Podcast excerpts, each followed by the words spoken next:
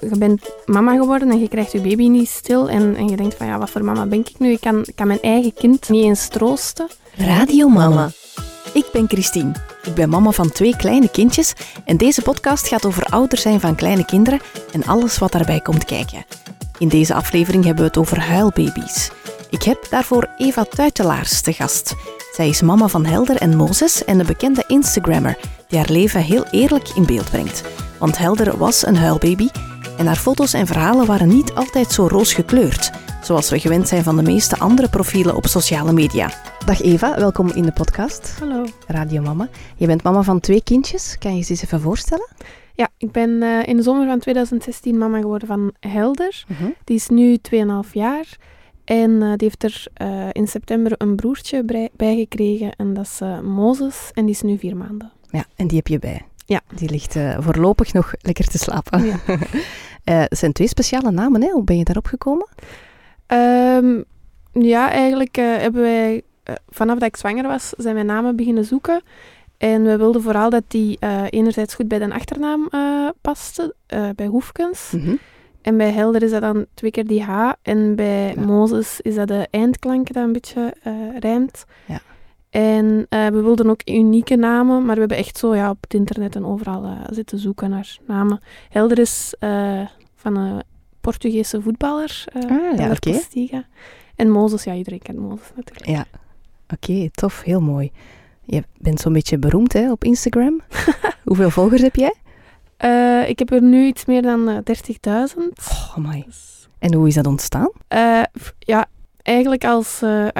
ik heb dat medium ontdekt vrij vroeg, eh, toen Instagram eh, nog maar net begon. Nog voor de kindjes dus. En ehm, ja, ik vond dat superleuk, omdat dat allemaal foto's waren. En Facebook was toen ook zoveel statussen en, en, Ja, en zo ja, ja. meningen delen. Ik ben dit aan het doen momenteel. Ja. ja. Toch zeker in die tijd nog. Ja. En eh, ja, Instagram, ik vond dat heel leuk omdat dat zo foto's delen was. En zo ben ik daarmee begonnen. En bij mij is dat altijd wel een, een soort weergave geweest van mijn leven. En dat is dan een tijd eh, zonder kindjes geweest. Mhm. Waar dat ik dan meer eh, de nadruk... ai, de nadruk. Ik, ik, deed, ik deelde gewoon wat ik deed. Ja. En dat was aan reizen en sporten. Ja. En eh, ja, nu... En had je toen ook dus- al zoveel volgers of is dat pas later gekomen? Nee, dat is altijd wel ehm, organisch gegroeid. Ik had er Ja. voor de geboorte van Helder, had ik er al wel meer dan gemiddeld, eh, Ja. zal ik zeggen. Maar dat is wel nadien ehm, enorm gestegen. En ik denk dat momenteel de meeste van mijn volgers wel eh, ja, jonge mama's zijn. Mhm. Maar ook wel wat studenten, eh, heb ik de indruk. Want Ah ja. ik krijg vaak zo berichtjes van, van studenten die dan zeggen dat ze in de les eh, bepaalde fases van, Ma. van de peuter of zo eh, eh, aan het studeren zijn. En dat ze dan het grappig vinden dat Helder dan momenteel in die fase In die zit fase zit. Ja. Dus studenten die daar wel mee bezig zijn dan met kinderen. Ja, ja, oké. Ik, ik ben jou beginnen volgen, denk ik, als mijn zoontje geboren was. Dus ik heb zelf ook twee kindjes. De oudste is net twee geworden, dus die is een halfjaartje jonger. Ja. En de jongste is tien weken, dus ook een paar maanden jonger, denk ik, dan, dan Mozes. En ik ben jou dus beginnen volgen als eh, Leon geboren was. Omdat jij toen ook in die fase ja, een beetje verder zat en, en dat het eh, dat wel tof was voor mij om te kijken van ah, binnen een paar maanden gaat dat zo zijn. Ja. En, eh, en ik denk, allee, of toch naar mijn gevoel, ben jij ook zo wel ineens heel veel volgers beginnen krijgen, omdat jij toonde hoe het was om een huilbaby te hebben, hè? toch? ja, ja, inderdaad. Een eerlijk beeld zo. Ja, ik denk in, ehm, want dat is ondertussen al 2,5 jaar geleden, ehm, vond ik dat nog veel meer dan nu, dat ehm, dat, dat vooral nog heel veel picture perfect was op Mhm. Instagram. En ehm, ja, mijn wolk was alles behalve roos. Ja. En ja, als je dan zo thuis zit in die kraamperiode, dan zit ook heel veel op je gsm, want dat is Mhm. zo het enige contact ook dat je vaak nog hebt met Ja. de buitenwereld. En ja, ik, ik vond niemand eh, terug waarin ik mezelf herkende. De situatie dan, zal ik zeggen. Mhm. En overal leek het eh, in ieder geval heel vlotjes te gaan en zo. Ja. En eh, ja, bij mij was dat dan niet het geval. En dan ben ik dat ehm, ook beginnen zeggen, inderdaad. Mhm. En, En tonen met foto's. en dan het aantal reacties dat daar dan op kwamen en zo. Ehm, Mensen vonden dat heel fijn dat dat is gebeurde. ja, Inderdaad. en ook, ik vond dat dan zelf ook weer fijn, want Ja. ineens voelde ik mij niet meer zo alleen. Ja. Ehm, Want ik, eh, toen bleek ja, dat er heel veel mensen in, eh, in zo'n situatie zaten en dat er heel veel mensen ook ervaring hadden met een behuilbaby. Ja, het is onlangs toch nog even heisa geweest eh, in de media, hè, dat, er, dat er eigenlijk één kamp van mama's zei van, eh, ja kijk, je moet het gewoon tonen hoe het is. En eh, als je een huilbaby hebt of het gaat moeilijk, dan kun je daar ook eens foto's van posten, zodat andere mama's ook zien van, oké, ik ben niet alleen. En dan langs de andere kant een kamp dat zegt, zaagt niet zo en, en wees niet zo negatief. Wat vind jij daarvan? Ja, ik, ik denk dat er geen kampen moeten zijn. Ik denk dat je, ehm, dat je je realiteit kunt weergeven zonder per se ook eh, over te komen als een zaag. Mhm. Want ik probeer ook altijd wel met respect voor mijn kindjes ehm, onze realiteit eh, in Ja. beeld te brengen en, ehm, en daarover te vertellen. Mhm. Dus ik, eh, en dat is vanuit ook een positie waarin ik mezelf echt als, eh, ik ben echt super dankbaar ook voor de, voor de kindjes, hoe moeilijk dat het ook soms gaat. Mhm. En dat probeer ik ook altijd wel, mijn boodschap is deels ook wel die dankbaarheid, maar anderzijds ook wel ja, de realiteit dat, dat het soms echt wel heel moeilijk gaat. Ja, absoluut. En als je op een roze wolk zit, ik geloof dat dat, dat, dat dat kan, want ik heb nu met Mozes ook een totaal andere ervaring als bij Helder. Mhm. Ehm, dan denk ik ook gewoon dat er geen probleem is. En dan mogen we effectief... eh, dan, natuurlijk, iedereen mag delen wat dat ze willen. En, en, en dan, dan mag je ook gerust zeggen van hoe leuk het allemaal is en, en hoe gemakkelijk het, of hoe vlot het allemaal gaat. Ehm, maar ik denk voor de mama's die, ehm, die het moeilijker hebben, die, die zijn ook gewoon kwetsbaarder, denk ik. En eh, dan is het ook wel fijn dat die gehoord mogen worden en dat er, de dat er ook anderen zijn ja, die, Ja, die beetje een hart onder de riem verhalen eh, steken. Ja. ja, ja, inderdaad. Dat, dat gevoel heb ik ook wel van, het moet gewoon eerlijk zijn. Is het slecht, dan is het slecht. Is het goed, dan is het goed. En ja, het heeft toch Ja. geen nut om het beter te maken of slechter te maken dan dat het is. Ja, voilà. Zo post iedereen toch zijn eigen verhaal gewoon. Hè? Dus Ja. dat, dat, dat denk ik er ook wel over. Zeg, en hoe is dat om je leven zo te delen met eh 30.000 mensen die je niet kent? Is dat, eh, ik- is dat niet zo'n beetje Big Brother? Je kiest natuurlijk zelf wat je deelt. Ja, ja dat, dat is ook zo. Hè. Ehm, dat lijkt soms alsof wij alles zomaar op het internet gooien. Dat is ook absoluut niet waar. Wij kiezen ook wel eh, de foto's en, en wij kiezen ook wel wat dat we wel of niet zeggen. Ehm, maar eh, alle fragmenten uit ons leven dat wij dan delen, die zijn inderdaad wel eerlijk. Ja. Eh, om, ja, omdat ik dat ook gek zou vinden om, om daar niet eerlijk over te zijn. Mhm, Ehm, ik snap ook wel dat je bijvoorbeeld alleen maar mooie foto's deelt, mhm. maar dan niet per se daar je verhaal onder, onder zet. En dat dat een soort familiealbum is of zo. Ja. Ehm, maar ja, effectief, bij mij kijken er ondertussen heel veel mensen mee. En Mhm. eh, ik sta daar niet altijd bij stil bij hoeveel mensen dat ehm, ondertussen zijn. Als je ze allemaal zou bijeenzetten in één ruimte, dan pas ga je denk ik beseffen Ja, van wow, in zo'n concertzaal, ik weet niet hoeveel man kan er in het Sportpaleis? Meer zeker. ja dat, dat weet ik. Veel. Is al zo eens gebeurd dat je mensen tegenkomt die je niet kent, die u herkennen? Ja, dat gebeurt ehm, ja, ook niet heel vaak, maar dat gebeurt wel eh, af en toe als wij in de stad rondwandelen. Dat er mensen ons aanspreken en eh, Ja. dat ze dan zeggen van... Oh, ik, als ik u tegen zou komen, dan eh, had ik gezegd dat ik eens iets ging zeggen. En, eh, ja. Ja. Dat is soms wel heel raar, omdat ik weet niks over die mensen. Nee, dat is ja, ja. zij hebben het gevoel... dat ze eh, kennen. dat ze goed kennen. kennen. Ja. ja, ja, dat is zo. Hè. Dat is een beetje, ja, je je bent een beetje een BV, hè? Een, een Ja. BI, bekende Instagrammer. Ja, dat, voel ik, eh, dat voelt voor mij nog altijd wel heel ongemakkelijk. Want i- achter mijn scherm en thuis is dat natuurlijk niet zo. En, en zijn die, is die 30.000, dat is gewoon een abstract getal. Ja. Maar effectief, als, dat dan, als je zo naar buiten komt en je komt iemand tegen, dan wordt dat zo ineens wel echt. En dan is dat soms ook wel een beetje overweldigend. En dan ga ik mij ook wel soms vragen stellen van ja, Ja. kan ik daarmee blijven verder gaan op Ja, de ja, manier ja. dat dat nu... Beetje confronterend zo. Ja, Bij radio is dat ook eigenlijk zo. Hè? Dat is in een kleine, intieme ruimte. En je beseft niet altijd hoeveel mensen er ondertussen aan het luisteren zijn. Oké. Zeg, en als je zo heel veel luisteraars hebt en heel veel deelt over kinderen, krijg je dan niet sowieso ook heel veel adviezen die je eigenlijk niet hebt gevraagd en heel goed bedoeld zijn? ja ik Dat denk toch- zoals elke mama inderdaad... eh, Voilà, al van familie offline. krijgt het, ja. Ja.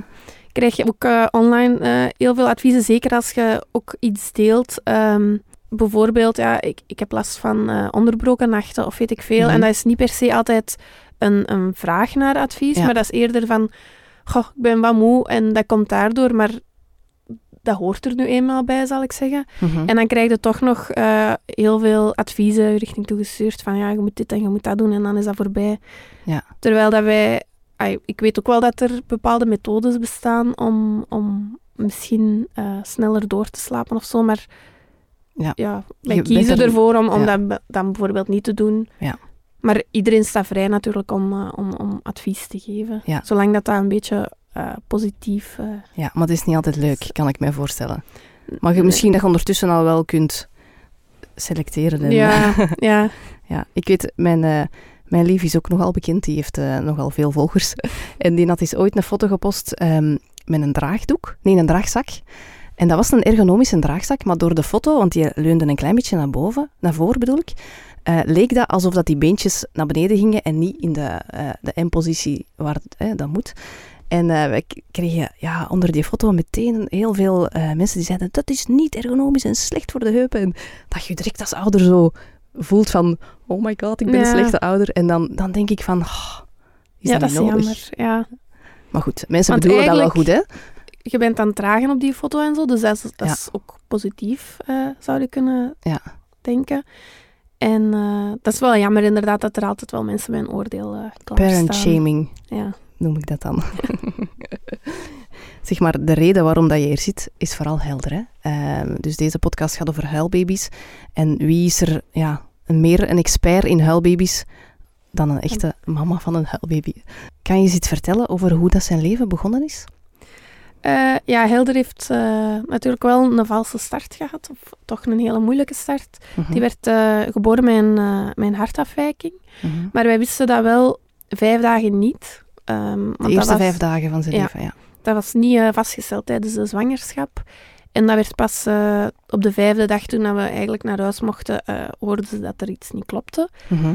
Ehm, waardoor ik ook wel, zeker nu in vergelijking met Mozes, heb ik wel vijf dagen gehad eh, op de materniteit met mijn baby. ehm,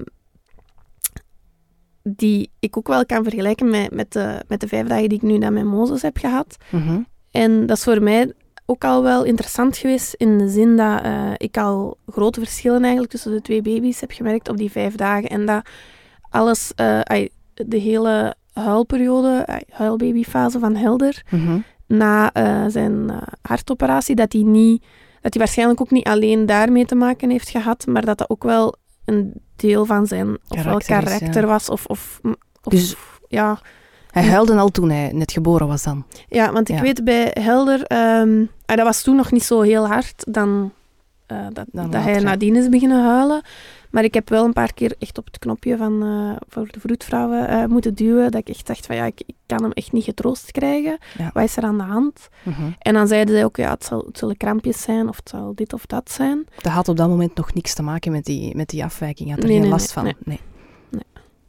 Dus, En dat heb ik met Mozes totaal niet moeten doen. Ah, die, ja, die, zei, die heeft eigenlijk altijd heel rustig geweest. Die heeft altijd heel veel geslapen. Ja, die hartafwijking, hoe, kun je daar iets meer over vertellen? Hoe is dat nu dan? Ehm, Hij is geopereerd geweest. Ja. Dus ze hebben die ontdekt. Eh, dan hebben ze een echo gedaan om te zien wat dat eh, precies was. Mhm. En eh, dat was een coarctatio aorta, zoals Ja. dan de Latijnse naam is. Maar het is, dat was eigenlijk een vernauwde aortaboog. ja. Dus het bloed dat uit zijn hartje stroomde, dat moest door een veel te nauw stuk eh, Mhm. in die hoofdslagader daar. En ehm, op zich was er op die moment niet echt een probleem, omdat ehm, zijn saturatie eh, was goed. Maar, eh, dat Zuurstof kon, eh, is dat, hè? Ja.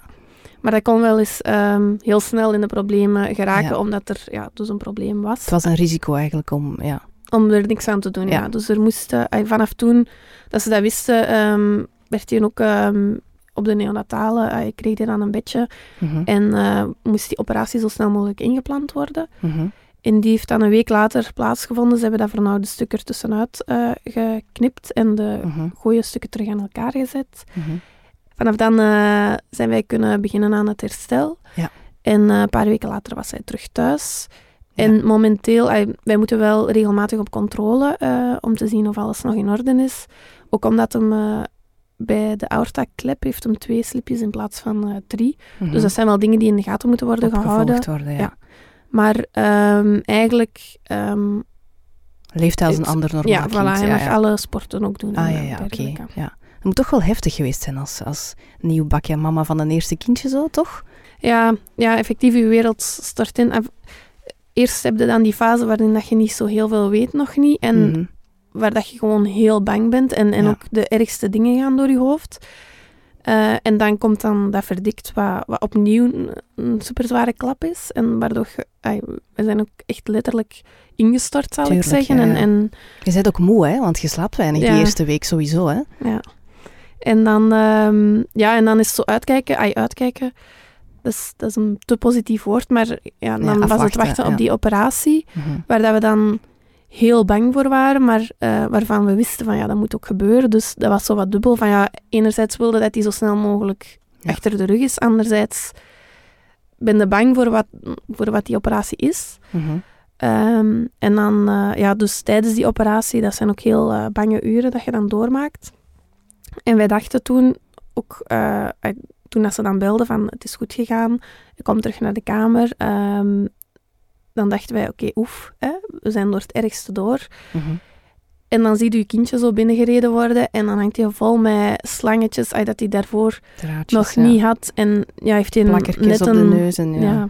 En een hele zware operatie ondergaan. En ja, wordt hij nog zo eh, in slaap gehouden, omdat hem anders te veel pijn zou hebben en zo. En dan hebben wij besef van, oké, dat was eigenlijk ook eh, nog heel erg om, om, om te zien als ouder dat je, pin, je kind daar ligt Ja, en, ja, en, en dat je niks kunt doen en, en, en dat je ziet dat, ja, dat echt verschrikkelijk is. Mhm. En mocht je er altijd bij blijven? Of eh, I- heeft nee. hij ook ergens gelegen? Waar, jullie moesten ook naar huis. Ja, s'nachts moesten wij naar huis. Dat is ook vreselijk, hè? Ja. Ja. ja. want je hebt ook al een voldragen kindje. Dus, en Ja. je hebt ook die eerste vijf dagen wel samen gehad. En Ja. ineens mogen de s'nachts ja. niet meer bij elkaar zijn. En ai, je weet, Voelt heel tegen natuurlijk, hè? ja. Ja. Zowel voor hem ook als... Want hij eh, was ook gewoon aan, aan altijd bij ons te zijn natuurlijk. En Mhm. eh, hij mocht ook geen melk niet meer krijgen. Eh, wij waren er ineens weg. Dus ja, voor Ja. hem moet dat ook heel traumatisch geweest zijn. Ja, absoluut. En denk je dat dat ook heeft meegespeeld in, in het latere huilen? Dat weet je natuurlijk nooit zeker, maar wat is je gevoel daarbij? Ik zeg altijd nu dat ik dat, ik dat eigenlijk nooit zal weten, maar ehm, ja, sowieso heeft dat impact gemaakt en, en is dat een traumatische gebeurtenis geweest voor hem. Mhm. Dus dat is logisch dat daar ook gevolgen van waren. En ehm, ik denk dat heel veel van dat huilen, dat dat een soort van verwerken is geweest ook bij hem. Mhm. Ehm, maar anderzijds zie ik ook eh, rond mij en eh, ook wel andere huilbaby's die niet per se zo'n moeilijke start hebben gehad.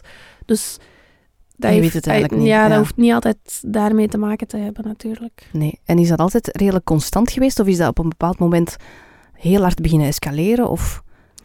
Ja, dat was op de neonatale had eh, Helder eh, al een naam van dat dat dat hij zo hard kon huilen en, en, en dat ze ook niet altijd daar wisten van hoe dat we hem stil eh, konden krijgen. Nee, Eh, dus daar waren die eerste tekenen al wel ja, eh, aanwezig. aanwezig. Ja. En dan kregen wij die mee naar huis. En wij dachten toen nog heel naïef een beetje van... Oké, thuis gaat dat beter gaan, want dan hangt hij niet meer aan al die draadjes en al die biepjes. En, want Ja. ja, dat is ook natuurlijk... Die, die ruimte is niet ideaal, ook niet voor een baby. Dus wij dachten van ja, wij kunnen er thuis mee rondwandelen. Kunt je terug altijd bij u hebben. Dat zal snel opgelost zijn. Mhm.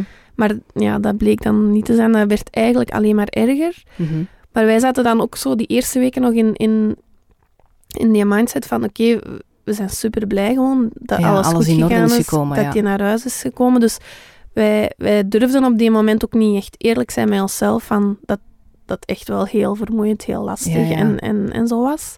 Dat is ook een beetje op automatische piloot misschien, Ja. zo die eerste weken. Ja. Ja, dus je neemt dat er ook allemaal bij en, en, en je, je- ja, dat is allemaal met de mantel der liefde dat je dat dan eh, opvangt. En dat ging ook wel goed voor, voor een paar weken om, om, om dat zo met twee op te kunnen vangen, die, Mhm. dat huilen dan.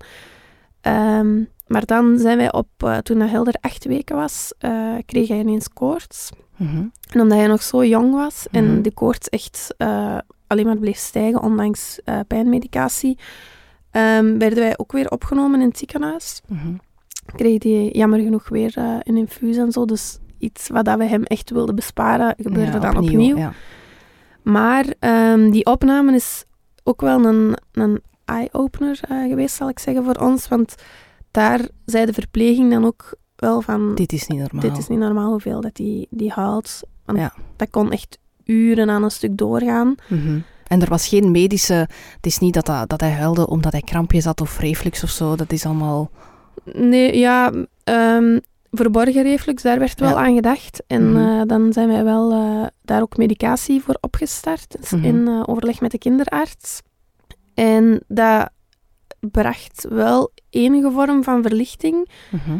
Ehm, maar hij bleef wel heel veel huilen. En het was, wij, wij stopten echt maandelijks ook met die medicatie, omdat we zoiets hadden van, ja, we willen dat ook zeker Is niet te lang geven. Ja, ja. En ook om eens te testen misschien Ja. of dat... Ja. Ja, of dat En? dan voorbij was. Maar dan merkten we dat het gehuil terug overging in gekrijs. Ja. Dus dat we dachten, oké, dan kreeg hem terug meer pijn, denken Het is we. met En- gradaties, ja, ja. Dus eh, dan gaven we elke keer die, die medicatie terug. En ik denk dat we die een, een zestal maanden gegeven hebben. Mhm. En daarna was, was die huilbabyfase in Helder zijn geval ook eh, Voorbij. voorbij, ja. Ja. Maar ja, we hebben, zoals gezegd, op, op Instagram gedeeld dan ehm, veel over dat huilbaby ay, over dat het moeilijk gaat en dat hem zoveel huilt. En je krijgt eh, heel veel advies. Mhm. En ik was toen ook ja, voor de eerste keer mama. Dus op die moment pakte ook alle advies Ja, ja. dat je kunt krijgen eigenlijk. Ook omdat je echt gewoon niet weet wat En dat op je moet doen. ja, ja. Dus wij zijn eh, met Helder wel heel het land rondgereden. We hebben homeopathie geprobeerd. Wij zijn eh, naar de osteopaat geweest. We hebben natuurdokters geconsulteerd. Wij hebben hem allergietesten zo laten doen. Mhm. Maar dat zijn zo alternatievere eh, testen. Ja, dat heb ik ook gedaan met mijn twee kindjes. Ja. Maar we hebben dat bij twee verschillende dokters laten doen. En ik heb toen niet gezegd dat ik, dat ik dat alles had laten doen. Mhm. En, Ah, en? toen, Ja, en toen dat bleek bij de tweede, ehm, bleken die resultaten zo verschillend te zijn van de eerste. Dus eigenlijk was Helder bij de tweede test aan bijna alles allergisch, behalve dan aan, die, aan de dingen. Die dat hem andere bij- test ja.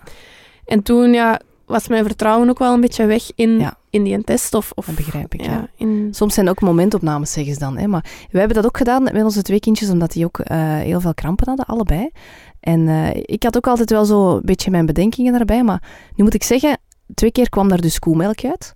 En eh, bij beide kindjes hebben, eh, zijn dan overgestapt op eh, een heel strenge dieetvoeding. Omdat dan ook mijn kinderarts wel zei van, ja kijk, die, darmkrampen, dat is niet normaal.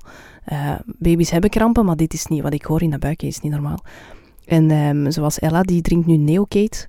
Dat is zo de, de pap die je alleen op voorschrift krijgt, waar echt alle koemelk uit is. Hè, dus volledig verknipt. En ik moet zeggen, het gaat veel beter. Dus dan heb ik zoiets van, ja, ik ben toch blij dat ik hem heb gedaan, de test. ja. Hè, want het heeft ons wel geholpen. En als mama, je probeert alles. Hè. ja, het is dat. En, en soms kan het wel helpen. Ja. En, en dan Ja. ben ik ook blij dat je het gedaan hebt. Onze vroedvrouw had het ook aangeraden. Dus dan, dan denkt ook van, ah ja, oké, als de vroedvrouw het aanraadt, dan hè, wie weet. Ja, en in ons geval misschien was de ene test wel juist en een andere Ja, niet. voilà. Dat weet ik ook niet. Had jij toen dat je zwanger was van Helder, dus nog geen kindjes had, had je al een bepaald beeld van hoe dat het ging zijn? Had je dat ergens al zo ingecalculeerd dat het misschien wel eens moeilijk zou kunnen gaan? Eh, nee, eigenlijk niet. Je hoorde dat al wel van anderen dat dat soms niet altijd gemakkelijk ging. En, en, en ik wist ook wel van die eerste maanden dat je amper zou slapen en zo. Maar ehm, ja, ik denk dat dat gewoon heel moeilijk is als je nog geen mama bent om, je, om te weten waaraan dat je precies moet verwachten. En ja, dat kan... Ik heb de twee extremen nu eigenlijk meegemaakt. Ik Ja. heb enerzijds echt een, een zware huilbaby gehad en, en anderzijds is Mozes een van de rustigste baby's dat ik ooit al gezien heb. Ja, hoe lang zijn we al bezig? We hebben hem nog niet gehoord. Die staat hier dus bij, Ja. in de Maxicosi. Ja, zo kennen we hem. Ja. ja, dat is dan wel... Ja, dat, dat verschil lijkt me wel eh, gek. Ja, en dus je kunt u misschien wel voorbereiden op het ergste, maar als het ergste dan niet komt, ja, dan... Ja. Ja, en ik vind... ehm, maar ik denk ook wel, zoals heel veel mensen, had ik wel bepaalde ideeën en verwachtingen van ik ga het zo en zo aanpakken. Mhm. En, ehm, en dan gaat het allemaal wel goed komen. En dan blijkt dat dat toch... dat je niet alles kunt oplossen met, eh, met liefde en, en veel dragen. En, en weet ik veel wat dat je dan allemaal eh, van plan waart om te doen. En, Ja, oké. En is dat dan, had dat dan, omdat je het niet verwacht had eigenlijk, of, of niet echt had ingecalculeerd, heeft het dan een heel harde impact op u gehad als persoon, dat het dan zo moeilijk ging? Ja, dat, dat vind ik nog moeilijk om te beantwoorden, omdat ik... ehm, het heeft sowieso heel veel impact gemaakt op, op mij dat mama worden. Maar Helder heeft natuurlijk ook een hele moeilijke start gehad, wat, wat ook ons als ouders eh, getraumatiseerd heeft. En Mhm. waardoor dat wij ook... ehm, ik ging niet eh, zoveel thuis blijven bij mijn kindjes. En dat is dan daardoor ook eh, zo gegroeid. Dat Want jij eh, bent, jij- jouw kindjes gaan niet naar de kinderopvang, hè? Nee. Jij bent eigenlijk fulltime thuis. ai, toch zeker die eerste zes maanden zijn ze bij mij. Mhm. Want Helder gaat nu wel ehm, geregeld naar zijn grootouders. Ja. Maar dat hebben we ook enkel gedaan nadat dat hem zo... nadat hem Ja. niet meer zoveel huilde. Want wij hadden om een duur wel onze maniertjes om hem stil te krijgen. Mhm. Maar iemand anders lukte dat dan niet. En Nee. eh, dan gingen wij die ook zeker niet eh, ergens anders... eh, En dat was je dus op voorhand niet van plan. Je ging ze naar de kinderopvang sturen dan, normaal? Ik ging ze niet naar de kinderopvang doen, maar ik ging wel... ik had zo'n heel systeem van grootouders, maar Mhm. dan ook mijn ouders die dan mee ehm, voor opvang zouden zorgen. En wij zouden hem eigenlijk drie dagen in de week dan wegdoen, zal ik zeggen. Mhm. En één dag in de week zou ik ervoor zorgen en een andere dag ook Christophe. En daar ben je vanaf gestapt dan? Ja, dat werd dan eigenlijk fulltime mijn eh, Ja. job, zal ik zeggen. Mhm. En, eh, en Christophe die, eh, die hielp ook wel waar hij kon.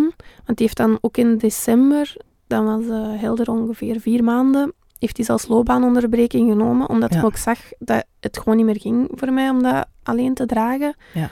Omdat ik elke dag eh, met die huilbaby, als Christophe thuis kwam, dan duwde ik Helder in zijn handen. En, eh, Het is aan nu. ja, en dan moest Heel ik ergens zo in een, in een balken op de zetel gaan liggen. En, Ja. Maar ja, wij wonen op, een appartement, dus dat gehuil dat stopte nergens en nooit. ja, ja, ja. Je kunt zo niet echt vluchten. Nee. Dus dat en was, jij bent eh, zelfstandige? Ja, Dus ik dat, was... eh, je kon eigenlijk gemakkelijk zeggen van oké, nu zet ik gewoon alles op pauze. ja, gemakkelijk en niet ja, gemakkelijk. het is omdat natuurlijk er, ja, financieel wel Ja. een grote hap, hè?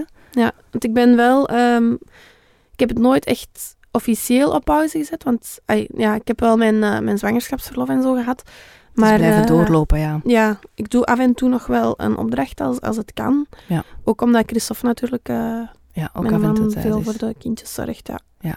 Die werkt ook vaak van thuis uit, Ja, zeker. voilà. ja. Dus op die manier konden we wel dat combineren, zodat ik niet helemaal moest stoppen. Ja. En over Christophe gesproken, jij bent getrouwd, hè? Ja. ja. Welke impact had dat op jullie relatie, zo'n baby die continu huilt? Is dat iets, heeft dat jullie dichter bij elkaar gebracht of was dat toch wel moeilijk? Dat was heel moeilijk, maar ons heeft dat wel dichter bij elkaar gebracht. Maar we hebben het er wel vaak over bij hem, want wij zijn na Helder nog aan het tweede durven beginnen. En dat is Mhm. ook omdat wij, onze band eigenlijk ehm, beter is geworden. Ja. Maar ik kan mij perfect voorstellen dat dat ook je als ouders uit elkaar drijft. Want als Christophe niet die loopbaanonderbreking had genomen, of als dat niet mogelijk was geweest, dat hij ook zoveel had geholpen, dan denk ik dat ik veel meer frustratie zat, eh, ook ten opzichte van hem en zo. En dat wij, ja, dat je wel uit elkaar groeit, omdat je ook niet begrijpt eh, hoe zwaar het voor de andere dan is. Ja. Ehm, Dat dus denk ik dat heel veel mensen wel herkennen. ja, en ik denk dat, dat, dat daarom ook heel veel mensen die zo'n huilbaby hebben gehad, dat die ook soms niet aan een tweede durven te beginnen, omdat ze, ze hebben dat net overleefd. Ja. En ze weten niet of ze dat nog eens een keer Ja. aan kunnen. En wij hadden wel zoiets van, het, we hopen natuurlijk dat, dat, dat een tweede baby eh, een ander verhaal is, maar we kunnen het wel aan in het ergste geval. Ja. En zo is elk kind ook anders, hè? Ja, Je weet ook niet hoe het gaat zijn, hè? Nee. Ja. Bij ons, in ons geval, eh, toen Leon zo ziek was, weet ik nog, in het ziekenhuis, waren wij heel moe ook, want die, die weenden ook heel de nacht. Eh, maar die, allee, dat heeft ons ook wel zo dichter bij elkaar gebracht. Zo, zo van, wij samen, ja, wij vechten daartegen en, en ons gezin. En, maar ik, nu met zo'n tweede is toch oeh, wel wat heftiger, moet ik zeggen. En inderdaad, zo die frustratie van, ik, hoeveel dat ik al niet heb gezegd, ja, denk jij nu echt dat een dag werken vermoeiender is dan een dag met de twee kinderen alleen zijn? Terwijl, ja, het is, allee, je mocht dat niet vergelijken, hè, want hij, hij gaat werken en komt ook thuis bij die kinderen. Dus het is voor allebei zwaar. Ja, ja. En zo denk ik dat iedereen wel iets heeft van, ja, dat je zo toch even met elkaar botst, omdat je ook gewoon continu zo moe bent. En zo'n baby die niet stopt met wenen, ik kan me voorstellen dat dat echt wel heel heftig is. ja. Als dat zes maanden blijft duren. Ja, dat is waar. En, want effectief, ik was om, aan een tijd jaloers dat Christophe wel mocht gaan werken. Ja. En hij had ook zoiets van, eh, goh, ik, ik kan moeilijk gaan werken met al die onderbroken nachten ook. Ja, Dus we vonden het allebei van onszelf. Uh, Ja, we hadden heel veel zelfmedelijden. En, ehm, maar Christophe heeft dan wel zo, door dan in december ook thuis te zijn, heeft hem wel ook gezegd van, oké, sorry, eh als je zo gaan werken... in ons geval was Ja. gaan werken toch nog een beetje... eh, ai, dat bracht nog iets meer verlichting dan een hele dag bij die eh te Wel meer ontspannender. En ook, ja, je kunt meer jezelf zijn naast het ouder zijn. Ja, ja. Dat mis ik ook soms wel. Ja. Zo, eh, daarom dat ik dit ook heel tof vind. Ook al gaat het eigenlijk over kinderen en baby's weer. maar ja, goed. Oké. Ik vind het ook tof dat ik nog eens buiten mag komen. ja, voilà. en je hebt daar straks al gezegd dat je geen roze wolk had, hè? En had je dan ook echt baby blues of had je daar geen tijd voor om, om je slecht te voelen? Of was dat wel het geval? Ehm, nee, ja, wij moesten ook sterk zijn voor Helder. Also, op die moment, er zijn momenten dat, dat ik eh, het niet meer aankon en dat, dat Christophe zich dan sterk moest houden en dan andersom. Ehm, en effectief, toen we dan naar huis mochten, waren we overheerste vooral dat gevoel van dankbaarheid. Ehm, maar ja, onze klop kwam denk ik zo wat later. Ook na dan, eh, dat die haalbabyperiode voorbij was, hebben wij pas beseft van hoe diep dat wij wel niet hebben gezeten. En ehm, ja, Christophe die zei ook wel vaak van... ehm, het wordt tijd dat jij eens één nacht gewoon kunt doorslapen. Mhm. als, als, als ik echt... ehm, ja...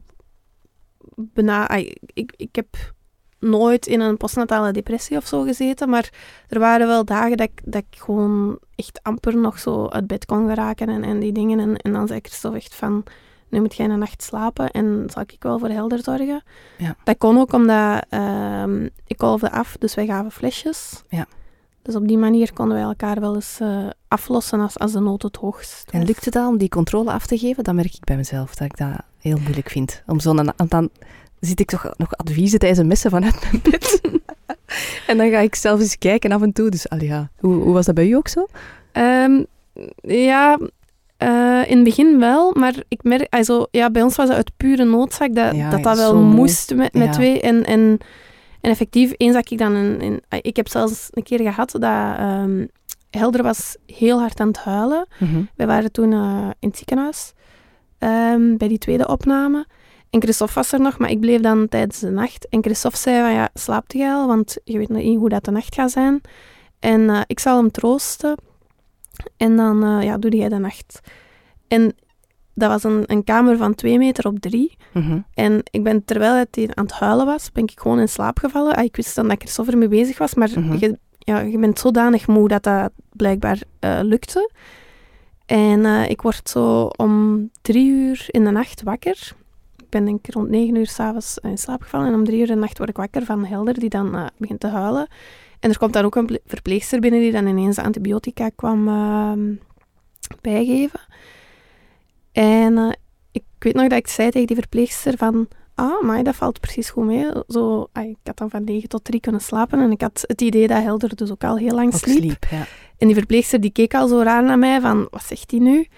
En eh, ik hoorde dan van Christophe de volgende dag dat hij nog tot na middernacht is moeten blijven. Dat hij nog gehaald heeft van 9 uur tot na middernacht. Dat, dat er heel veel verpleegsters in onze kamer zijn binnen geweest. Dat die hebben gezegd van, zullen wij eens proberen? Er heeft een verpleegster Helder zelfs meegenomen ja. op de gang. En, en was maar ik heb dat allemaal ja. niet gemerkt. Dus Zo Also, moe, ja. ja, Ja, dan is het goed dat je dat gedaan hebt, lijkt mij. Maar dat denk ik dat veel... Ik hoor dat ook van vriendinnen, dat ze het wel moeilijk vinden om die controle af te geven.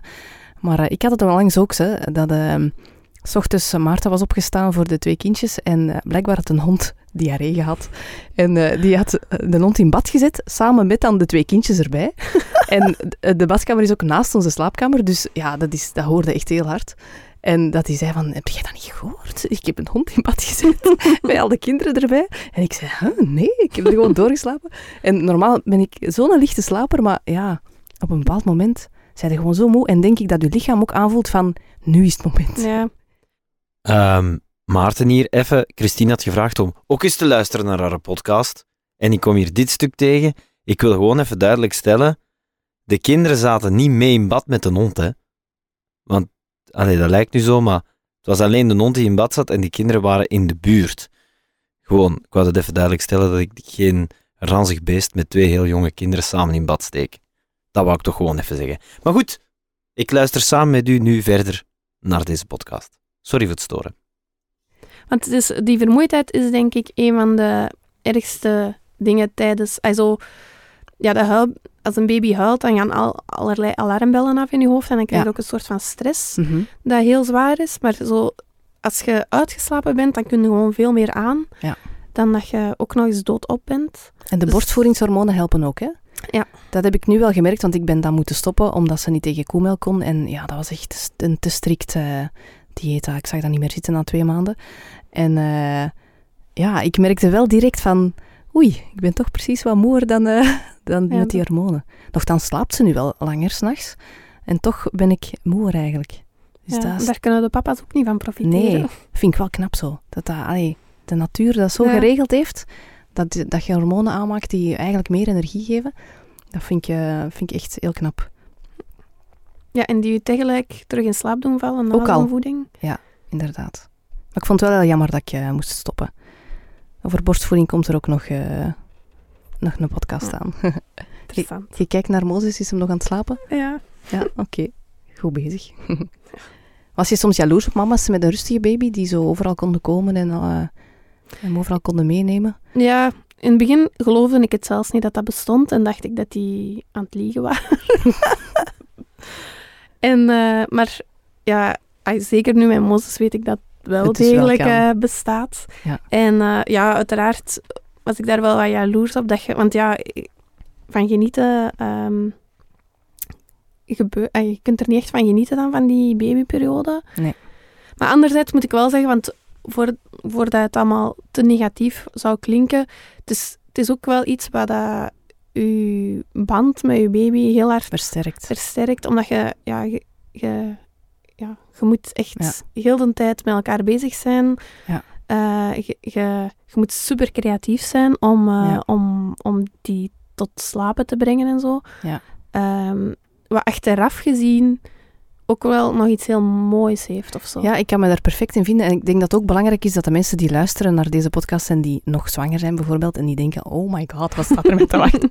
dat we die even kunnen geruststellen. Dat het inderdaad, je doet het, hè. Allee, en je Ja. overleeft het. Ja, je hebt ook echt het gevoel dat je elkaar door en door kent. Want Mozes is ondertussen nu al vier maanden en ik, ik durf ook zo nog maar weinig uitspraken te doen over Ja. karakter, omdat ik zo, ja, ik weet het eigenlijk nog, nog niet zo goed. En ja, bij Helder is dat misschien ook niet altijd heel juist eh, wat dat je dan denkt dat hij gaat zijn, want, eh, maar toch heb je zo het gevoel dat je, ja, dat is, dat is een hele Ja. gevoelige voor prikkels, of dat is ene met heel veel temperament, ja, die dingen gaan er dan Ja. direct zeggen, hoewel dat dat niet per se Nee. zo zal zijn, hè, maar eh, Ja. Je kunt het toch wat aanvoelen als... Ja. Hoe is Mozes als baby? ja, die is dus... Heel rustig dus, duidelijk. Ja, die, is, die heeft echt letterlijk nog nooit eh, langer dan 10 minuten gehuild in heel zijn leventje. Ja. En dat is echt straf, hè, want ja, je hebt dan ah, baby's huilen nu eenmaal. ja, ja, en, tuurlijk, en- ja. Maar ehm, ja, in zijn geval huilt hij dan weer veel minder dan gemiddeld. Ja. Ehm, Want wat wordt er gezegd? Het is een huilbaby als ze eh, vaker dan drie uur per dag, drie dagen per week, langer dan drie weken of zoiets? Ja, dat is de definitie inderdaad dat je Ja. zo op internet kunt vinden. Ja. En, eh, maar mij ik vind dat eh, precies nog heel weinig klinken in vergelijking met hoe waar, vaak dat Helder dan huilde. Want ja, je hebt ook wel eens last van krampjes en zo, maar effectief, als dat dan meer dan drie dagen in de week is, is dat ook super zwaar. Hè? Maar Helder die huilde wel nog veel meer dan, eh, dan drie uurtjes. Ik denk dat het verschil ook wel hem zit in, zijn dat korte periodes of is dat ja. drie uur aan een stuk? En zijn die ontroostbaar op, Ja, op dat moment? Kunnen ze troosten, inderdaad. Hè? Daarover gesproken, zo, je hebt waarschijnlijk van alles geprobeerd. Wat heb je zo allemaal geprobeerd? Kunnen dat zo is? Van trucjes om hem stil te krijgen, bedoel ik, hè? Of, of om hem te doen stoppen met, met huilen. Ehm, ja, wij, ik, ehm, ja, borstvoeding ehm, live geven, dat lukte niet meer na die operatie, want dat was, eh, hij, hij was een beetje verzwakt na die operatie en, en mijn stuwing was te, ja. dus die match was er niet meer. En ik weet dat ik, eh, ik kolfde elke vier uur af Mhm. en ik zette bijna nooit niets in de, in de ijskast, maar Mhm. dus dat flesje dat ik dan had afgekolfd, dat, dat, dat gaf ik dan die volgende vier uur. Ja. Omdat hij wel zo wat, soms wel wat getroost werd met die melk. En eh, dus dat was dan niet elke keer dat hij één flesje dronk, maar dat was soms wel om de twee uur of zo dat hem dan een beetje dronk.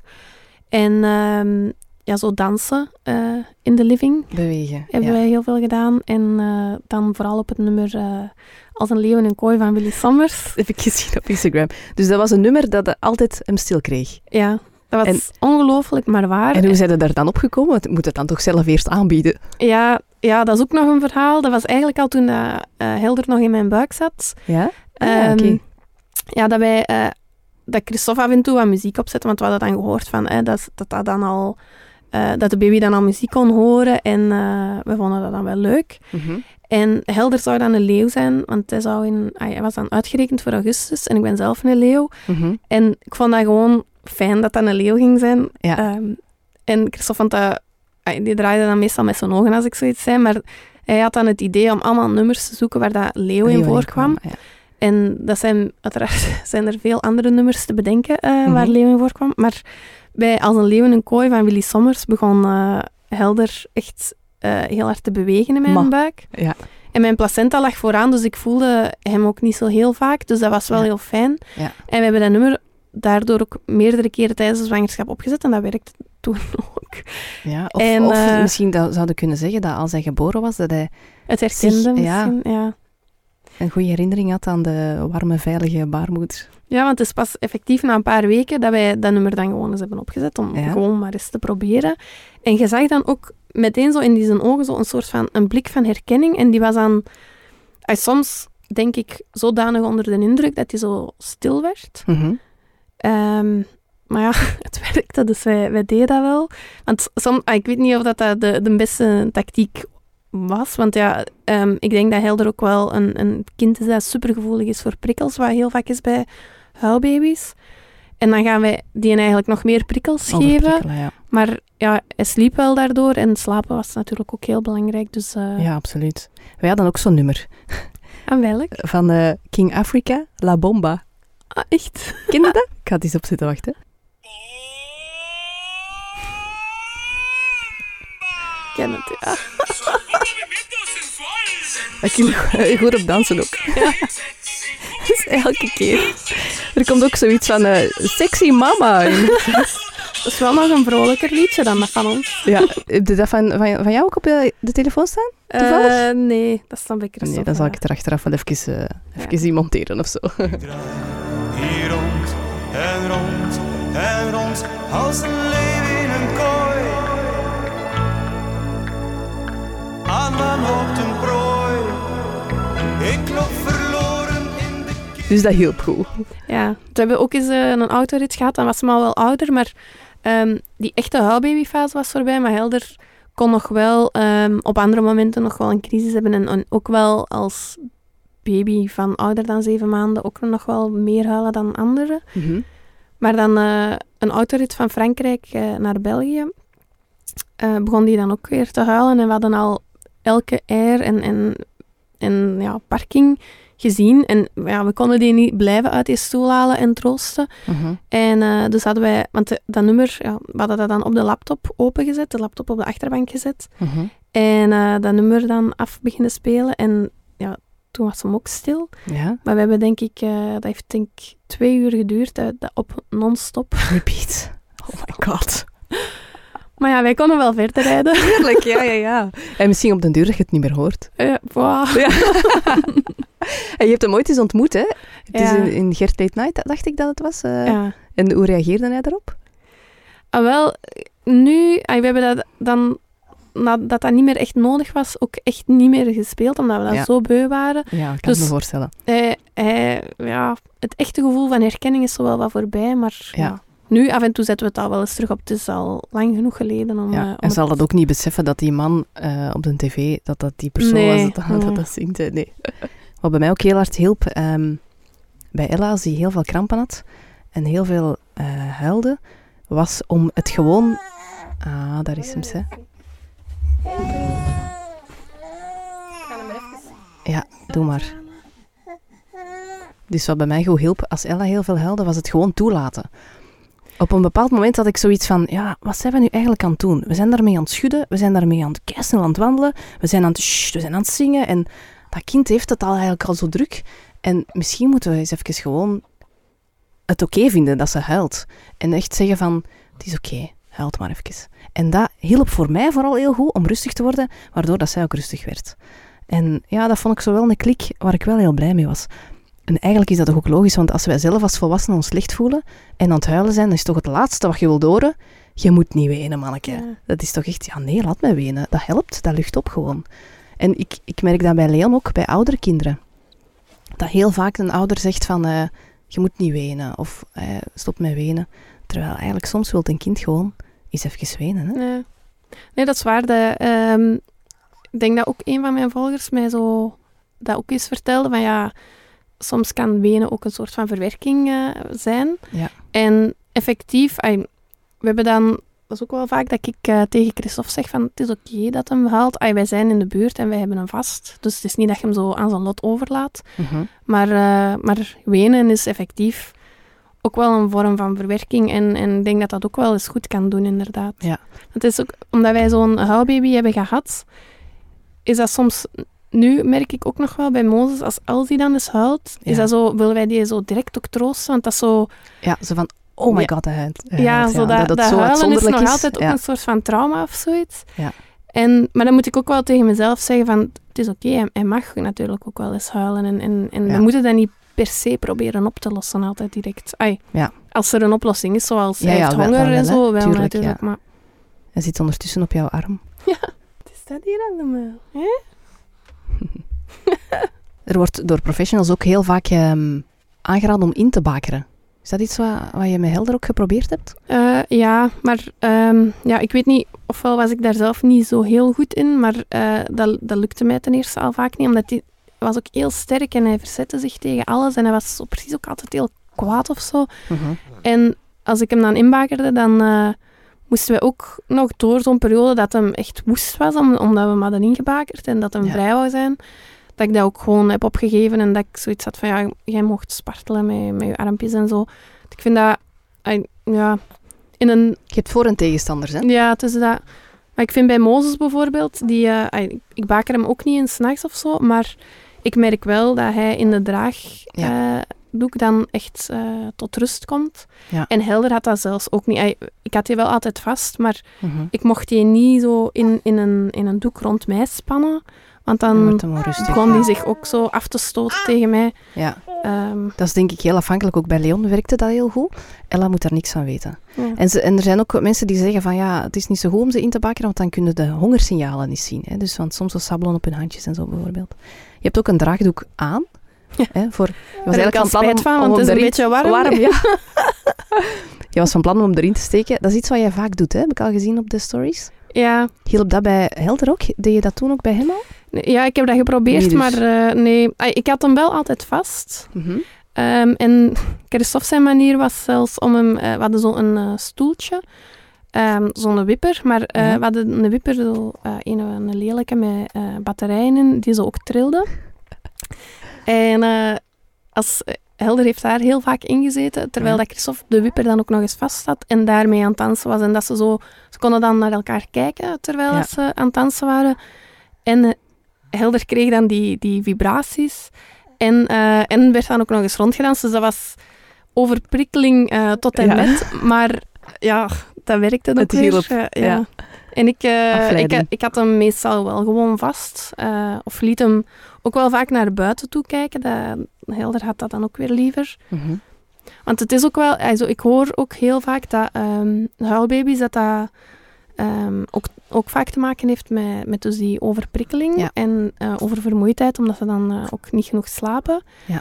En ik denk dat dat ook bij Helder wel eh, zeker heeft meegespeeld, ook als ik nu zie hoe vatbaar hij is ook voor prikkels en hoeveel dat hem allemaal opneemt en zo. Ja, dat je hem een beetje moet beschermen eigenlijk Ja. daartegen. Ja. Maar ik zeg het, ja, bij ons was het ook zo wel kiezen tussen, ja, tussen Ja, ja, wat slaap en, en, en, en wat rust. En, Soms kan en- het even afleiding geven. Hè? Ja. Dat herken ik ook wel, dat mensen zeggen van, eh, ja, maar als ze overdag te veel slapen, gaan ze dan s'nachts niet minder slapen. Dat was niet mijn ervaring. Mijn ervaring was dat hoe moer dat hij was, hoe meer hij begon te bewegen met zijn armen en zijn benen en hoe slechter dat hij eigenlijk sliep. En dat als hij soms overdag heel veel sliep, dat hij dan ook s'nachts ook beter sliep. Lukt het? Je gaat hem ondertussen proberen aanleggen, doe maar rustig. Hè? Dus Ja. inderdaad, dan, dan een baby eh, die oververmoeid is, eigenlijk, dat is een, een spiraal waar je in terechtkomt dan, hè? Ja, want ik merk nu ook, bij, ai, daarom ben ik wel blij dat ik, eh, dat ik vandaag dan nu werd uitgenodigd, nadat ik ook eh, een baby heb die, die dan geen huilbaby Die is. Omdat ik, meepakken. ja, ik kan zo... Ik, ik weet nu dat dat ook niet echt aan ons lag en dat dat meer aan, Ja. aan, aan de baby lag. Mhm. En ook, eh, ik weet nu dat eh, Mozes die slaapt wel echt 16, 18 uur per dag. Mhm. En die slaapt effectief nog beter ook s'nachts. Ook als want hij slaapt. Eh, in tot, van de 24 uur slaapt hij zeker 16, 18 uur. Ja. Dat ik ook aan de vroedvrouw in het begin vroeg: van ja, is dat niet te veel? En moet ik die Ja. overdag dan niet een beetje wakker Op maken? den zodat duur hij dan zeker slaapt? over alles, ja. Ja. Maar dat is dus effectief niet. En, en, en hij slaapt veel beter, ook als hij overdag goed geslapen heeft. Ja. Maar bij de ene is dat een veel grotere uitdaging dan bij de andere om die in slaap te krijgen, natuurlijk. En had je zo heel hard dat schuldgevoel of, of dat gevoel van ligt dat nu aan ons als, als ouder?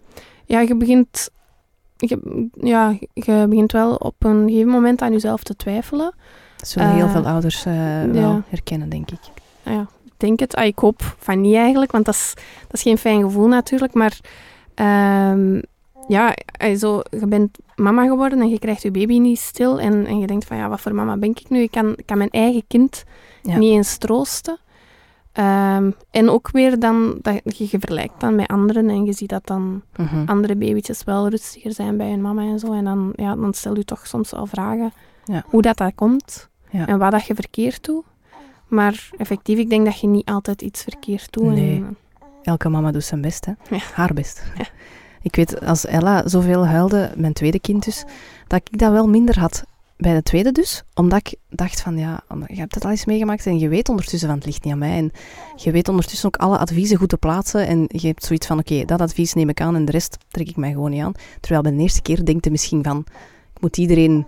hè, Ik moet iedereen zijn advies opvolgen of eens proberen. ja. Dat dat bij een tweede toch dat je zo wat zelfzekerder bent. ja, toch zeker als het allemaal moeilijker gaat dan, dan je had verwacht. Ja, inderdaad. Dan denk je van, ja, misschien moet ik toch eens luisteren naar, eh, naar de anderen. Maar Ja. En dan word je... een beetje... Ja, ik ga hem Ja, doe maar rustig. Zo, nu met Mozes lukt de borstvoeding ook veel beter dan Ja. bij Helder. Want bij Helder kolfde ik ook af. En mm, effectief, als je dan toch kunt doorzetten, want die eerste weken zijn sowieso, Sowieso, wel hè, eh, moeilijk, hè, ja. Maar nu is dat ook een, een vorm van troost. Dat is niet alleen Troost, ja. voeding, maar dat is effectief. Dat je is die denk ook ik- aanleggen als, ja. als die wat overstuur is en, en die komt ook weer tot rust. Dat merkte ik bij Ella, die huilde heel veel voor krampen, maar die was altijd getroost door de borst. Dat denk ik dat bij huilbaby's ook wel iets is dat kan helpen als natuurlijk borstvoeding gegeven wordt. Ik heb wel een hele sterke toeschietreflex. Ja. En ehm, bijvoorbeeld komt s'nachts, die komt zo om de, om de twee, drie uur vaak nog. Maar die drinkt vijf minuten en die slaapt terug. Dus op zich, Ja, is het niet... ik kan dat ja. half slapend geven en verder Ja. slapen. Ik viel letterlijk gewoon in slaap en ik werd soms anderhalf uur later wakker en dan was hij nog aan het drinken. Maar ik vond dat dan wel oké, want ik dacht, ja, oké, ik heb anderhalf uur geslapen. Ik zorgde ervoor dat zij heel veilig lag. Ja, Eh, want dat is ook zoiets waar een heel groot taboe eh, rond hangt. Hè. Daar ben ik ook aan het denken of ik daar eventueel een podcast over kan doen, over samenslapen. Ik heb de indruk dat heel veel mensen dat doen, maar dat, dat heel veel mensen daar niet voor uitkomen. Omdat ja, mensen toch wel direct zoiets hebben van, oh my god, is dat niet kei gevaarlijk? Terwijl eigenlijk daar onderzoeken over zijn gebeurd, dat als je borstvoeding geeft, dat het zelfs de, het risico op wiegedood vermindert, als je als moeder op een veilige manier uiteraard samen Ja. Met je baby. Doe jij dat ook? Slaapt hij in eh, jouw bed? Ja. Ja. Ja. en ik merk ook als ik, eh, als ik dat dan in mijn stories eh, deel, Mhm. dat ik ook heel veel reactie krijg van, van mama's die dan zeggen van, ah, ik doe dat ook. En denk Ja. effectief ook veel meer dan, dan dat gezegd wordt. Ja. Enerzijds ook, ik denk zo de oudere generatie, Mhm. die keuren dat ook niet altijd Nee. goed. Nee. En anderzijds, effectief, je, wil, je wilt natuurlijk ook... ehm, want zelf ben ik daar ook wel voorzichtig mee in de zin van, ja, ik wil natuurlijk ook geen onveilige dingen eh, Ja. gaan promoten, zal ik zeggen. Mhm. Maar, ehm, maar effectief, ik heb ook al eh, ik heb gelezen dat als je dat op een veilige manier doet, dat dat, Ja. dat, dat echt wel heel goed kan zijn voor eh, mama en kind. Ja, absoluut. Dat heb ik ook ondervonden. En dat, dat vind ik ook bij zo'n tweede zo, gaat er meer op je gevoel af. Bij het eerste heb ik veel boekjes gevolgd, letterlijk. Terwijl nu heb ik eerder zoiets van, hoe zit de natuur eigenlijk in elkaar? En hoe voelt dat voor mij? Wat wil ik doen? Omdat je ook zelfzekerder bent op die manier om dat zo te doen. En eh, dat voelt wel, dat vind ik wel tof. Ja, je, wordt gewoon beter in, eh, in je, jezelf zijn als mama. En, ja, inderdaad. en je, je eigen ding doen. Ja. Willen jullie nog een derde kindje of is twee genoeg? Dat is... eh, we, zijn er, we zijn er eigenlijk nog niet uit. Omdat wij dat ook... zelfs een, ja, ik vind dat zo... Ik, ik ben niet iemand die zegt van ja, ik wil twee of ik wil drie kinderen. Mhm. Ik heb eh, na Helder hebben we het ook laten afhangen van hoe voelden wij ons na Helder. Mhm. En eh, kunnen we nog een, een tweede kindje aan? En Ja. het zal nu ook weer zijn van ja, willen we nog een derde nu? Of dat Ja. weet ik nog niet. Dat zal eh, de toekomst. Het is nog wat vroeg misschien nu. Ja. Is er nog iets waarvan dat je de- denkt eh, dat je zou willen vertellen aan mama's met een huilbaby? Waarvan je denkt, wist ik dat maar op voorhand? Of Goh. iets van advies of zo, ook al eh, krijgen we niet graag advies. Toch, soms wel. Hè? Ja, ja, ik denk dan vooral ook dat mijn advies zal zijn. En dan eh, luister niet te veel naar advies. En, Ja. also, of haal eruit wat, dat, wat dat bij jezelf aansluit. Of wat dat, waar dat je toch nog een goed gevoel bij hebt. Ja. En probeer dat eens. Mhm. Ehm, maar ook ehm, verwacht geen wonderen eh, wat dat betreft. En soms is het ook gewoon echt uitzitten. Ja. En, en in dat geval zou ik dan zeggen van ja, het, het gaat ook weer wel over. En, Ja. en effectief nadien ehm, gaat dat ook als een hele overwinning voelen. En, en, en komt er toch nog een soort van roze wolk, omdat je dat wel samen hebt doorstaan. Ehm, je moet er alleen iets langer op wachten.